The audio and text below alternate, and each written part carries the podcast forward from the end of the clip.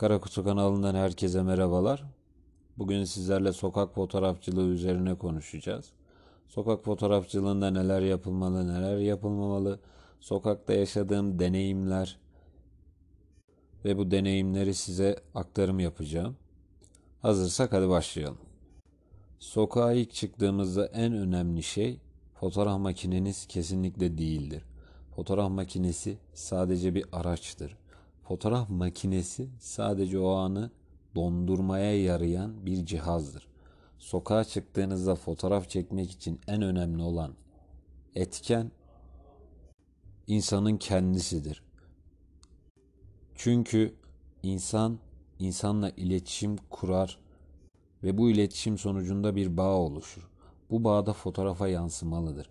Yani atıyorum siz sokağa çıktığınızda elinize makineyi aldınız. Direktmen fotoğraf çekmeye başladınız. İşte sağdan biri geçiyor onu çektiniz. Soldan biri geçiyor onu çektiniz. Karşınızda biri var onu çektiniz. Veya çayda atan yaşlı bir çaycı var onu çektiniz. E, sonrasında fotoğrafa bakıyorsunuz. Sıradan günlük yaşantıdan fotoğraf. Ama siz fotoğrafı çekmeden önce gidip o insanla konuşup o insanla bir iletişim kurduktan sonra beyefendi, hanımefendi, abi artık nasıl hitap ediyorsanız bir fotoğrafınızı alabilir miyim dersiniz. İşte çalıştığınız tezgahta alayım veya ya şuraya geçin de şurada alayım. Şu kapının orada durun da orada alayım. Orada ışık çok güzel dersiniz ve fotoğrafı orada alırsınız. İşte burada fotoğrafınıza bir iletişim katmış olursunuz. Bu kattığınız iletişim fotoğrafa artı yönde yansıyacaktır. Çünkü sizin o çektiğiniz insan size baktığında ilk gördüğü şey fotoğraf makinesi olmaktan çıkmış olacak. Sizin o fotoğraf makinesinin arkasında olduğunuzu bilecek ve ona göre bir yüz ifadesi takınacak. Neden? Çünkü siz o insanla bir iletişim kurdunuz, bir bağ kurdunuz.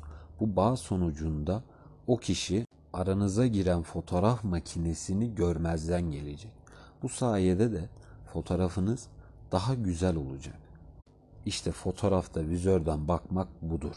Eğer siz karşınızda çekeceğiniz insanla bir iletişim kurmadıysanız vizörden ne kadar iyi bakarsanız bakın kadrajınızı ne kadar iyi ayarlarsanız ayarlayın o fotoğrafta bir iletişim örneği olmayacak. O fotoğrafın çekilmiş son halini gören kişi o fotoğrafla bir iletişim kuramayacak ve en fazla 3 saniye, 4 saniye o fotoğrafa baktıktan sonra belki daha da kısa olabilir bu. Baktıktan sonra belki çift tıklayıp like atıp geçecek. Ancak siz o insanla iletişim kurup fotoğrafı öyle çektiyseniz emin olabilirsiniz ki o fotoğrafı farklı bir birey gördüğü zaman en az 10 saniye, 15 saniye fotoğrafa bakacak ve içinden diyecek ki ya ben öyle bir şeye nasıl bakabiliyorum veya çok güzel fotoğraf olmuş diyecek. Sokakta fotoğrafı böyle aramanız gerekiyor. Yani makine elinize aldınız. İşte genellikle yeni başlayanlarda şey vardır. Ya abi onda işte şu model var son model ona paramız nasıl yetsin? Hayır bu kesinlikle değil. Telefonla bile çıkabilirsiniz. Ki son zamanlarda telefonlar artık fotoğraf makinelerine fazlasıyla yaklaştı. Zaten fotoğrafta önemli olan kullandığınız araç ve gereçler değildir. Kullandığınız ışıktır, kurduğunuz iletişimdir. Bu iletişime en güzel örnek de belgesel fotoğraflardır. Tabi bu belgesel fotoğraf deyince aklınıza belgesel filmlerinde çekilen görüntülerin fotoğrafları gelmesin. Belgesel fotoğraf genellikle gazetecilerin kullandığı fotoğraftır. Yani genellikle bir ispat taşır.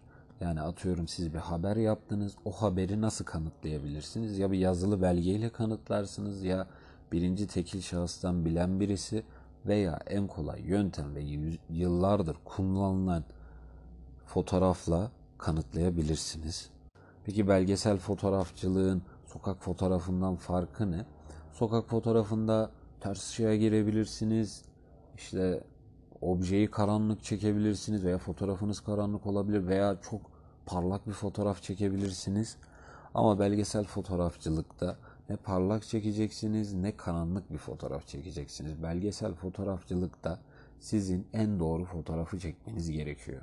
Yani en doğru fotoğraftan kastım fotoğrafın e, en ufak noktasına kadar her şeyinin doğru aydınlatılmış, doğru pozlanmış bir fotoğraf olması. Genellikle belgesel fotoğrafçılığının renklerine baktığınız zaman da bunu anlayabilirsiniz. Renkler en doğal renklere yakın, en doğru renklere yakın olur. Yani belgesel fotoğrafçılığa kısaca biz en doğru fotoğraf diyebiliriz. Çünkü o fotoğraflar bir belge niteliği taşıyor. Gazetecinin elinde bulunan en güzel belgelerden biridir. Peki gelelim kurgusal fotoğrafa. Kurgusal fotoğrafta belgesel fotoğrafçılığından farklıdır. Yani nasıl farklıdır? İşte kurgusal fotoğrafta yine sokakta olduğu gibi ters ışığa girebilirsiniz. Objeniz karanlık olabilir veya fotoğrafın bütününde bazı bölgeler çok parlak, çok karanlık olabilir. Ancak kurgusal fotoğraf resim çizmeye benzer. Burada resim çizmekten kastım nedir? Bunu örnek vererek açıklayayım. Mesela ilkokuldan sevinçle çıkan bir çocuk düşünün. Bu çocuğu resimlemek istiyorsunuz. İşte sokak fotoğrafçılığında olsa gidersiniz, okulun önünde beklersiniz. Öğretmenlerle, öğrencilerle sohbet edersiniz. Öğrenciler çıkarken, aa bana bakın çocuklar falan der, çekersiniz. Bu sokak fotoğrafçılığına girer. Belgesel fotoğrafçılığa da şöyle girer. Gider bir haber yaparsınız. O haberde öğrencileri çekersiniz. Ama kurgusal fotoğrafçılıkta şöyledir. Siz ilkokul çocuğuna benzer bir çocuk alabilirsiniz. Yani atıyorum bu çocuk liseye gidiyor olabilir ama vücut yapısı küçük olduğundan dolayı ilkokul çocukları gibi duruyor olabilir. Siz o çocuğu alırsınız, okulun önüne götürürsünüz. İşte şöyle dur, böyle dur. Genellikle bu düğün fotoğrafçılığında vardır. İşte gelin damat gelir. Ee, işte şöyle durun, böyle durun. Şöyle çekelim.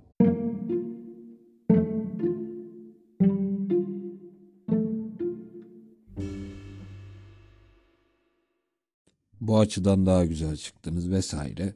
Böyle şeyler işte kurgusal fotoğrafçılığa girer.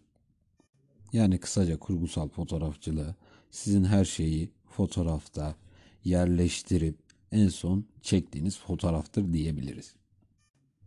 Bütün işiniz bit işte atıyorum belgesel fotoğraf çektiniz veya kurgusal bir fotoğraf çektiniz veya sokakta fotoğraf çektiniz. Eve geçtiniz, iş yerinize geçtiniz. Fotoğrafı düzenleyeceksiniz, bilgisayarınıza aldınız. Burada kullanmak istediğiniz programlarda özgürsünüz. İsterseniz Photoshop kullanabilirsiniz. isterseniz Lightroom kullanabilirsiniz. Burası bütünüyle fotoğrafçıya kalmış bir şey. Ben şahsen Lightroom kullanıyorum. Neden Lightroom kullanıyorum? Çünkü Lightroom Photoshop'a göre daha sade bir program. İşte Photoshop'ta kırpma, kesme, bölme, biçme yani A'dan Z'ye her şey var. E, Lightroom'da ise sadece fotoğrafın rengi ve ışığıyla oynamanıza yarayan araçlar var.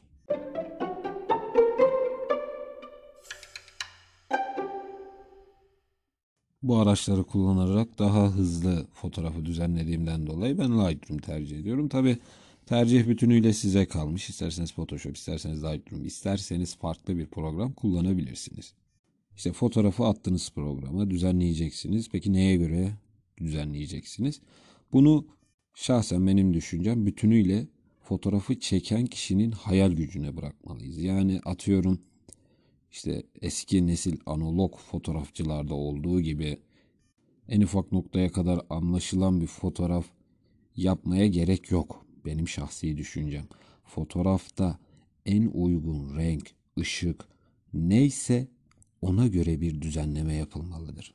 Mesela fotoğrafınıza aşırı bir duygu yüklemek istiyorsun. İşte bakan kişi biraz fotoğraftaki insanın durumuna hüzünlensin istiyorsunuz. Bu durumda genellikle yeni başlayanlar şunu yapar. İşte doygunluğu düşürür veya canlılığı düşürür. Hayır bunu yapmanız tabi bazı fotoğraflarda çok çok güzel olabilir ama genellikle ben bunu yapmamayı tercih ediyorum. Farklı farklı renklerin doygunluğunu düşürerek veya ışıklığını azaltarak Bunlara daha iyi ayarlar verebilirsiniz. Doygunluk ve canlılığı direktmen düşürmek biraz acemice kaçıyor ve bu fotoğrafta fazlasıyla belli oluyor zaten. Ayrıyetten de siyah beyaz bir e, renk var. Siyah beyaz var.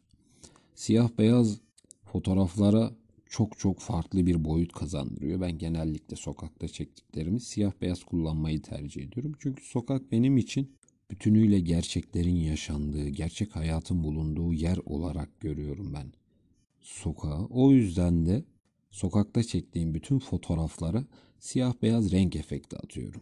Bunu yapmanızı da tavsiye ederim.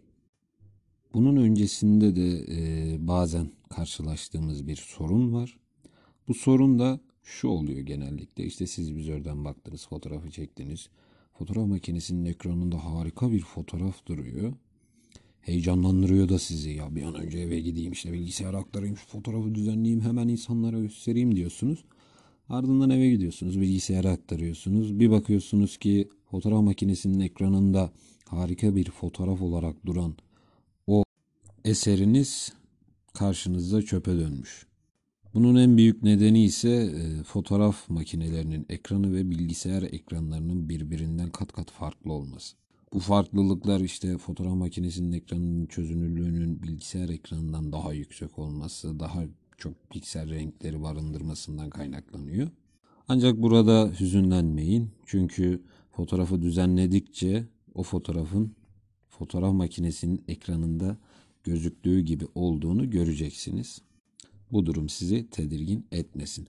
Peki fotoğraflarınızı nerede yayınlayacaksınız veya nerede paylaşmak isteyeceksiniz? Tabii bu bütünüyle size kalmış. Ben genellikle Instagram'ı tercih ediyorum veya yarışmalar var. Yarışmaları takip ediyorum. Bu yarışmalara fotoğraflar gönderiyorum. Gönderdiğim fotoğraflar bir şey kazanırsa güzel bir duygu yaşıyorum. Herkese tavsiye ederim. Instagram'da paylaşmamın sebebi ben genellikle Instagram'ı fotoğrafçılık namına tabii bir arşiv olarak kullanıyorum. Çünkü Instagram büyük bir sosyal mecra ve telefonumda bulunan fotoğraf veya bilgisayarımda bulunan fotoğraf silindiği zaman onu geri telafi etmek çok zor olabiliyor. Ancak Instagram'da bu telafi daha kolay oluyor. Instagram'da işte genellikle yeni başlayanlar da oluyor. Instagram'a fotoğrafı atıyor. işte yüzlerce like gelmesini bekliyor. Ancak bu beklenti boşa çıkıyor. Neden boşa çıkıyor? Çünkü Instagram şahıslara yani bireylere hitap eden bir şey ve sizin orada çektiğiniz fotoğraf o mecraya uygun değil. O yüzden onlarca takipçisi olan veya ünlü bir fotoğrafçının attığı fotoğraf bile bazen beğenilmeyebiliyor. Çünkü o mecraya uygun değil. Bütünüyle o mecra size ve sizin gibi size ve sizin gibi insanlara hitap ediyor. Bugünkü podcast'imizin sonuna geldik. Beni dinlediğiniz için çok teşekkür ederim. Umarım fotoğrafçılık namına birkaç düşünce aşılayabilmişimdir. Çok teşekkür ederim. İyi günler dilerim.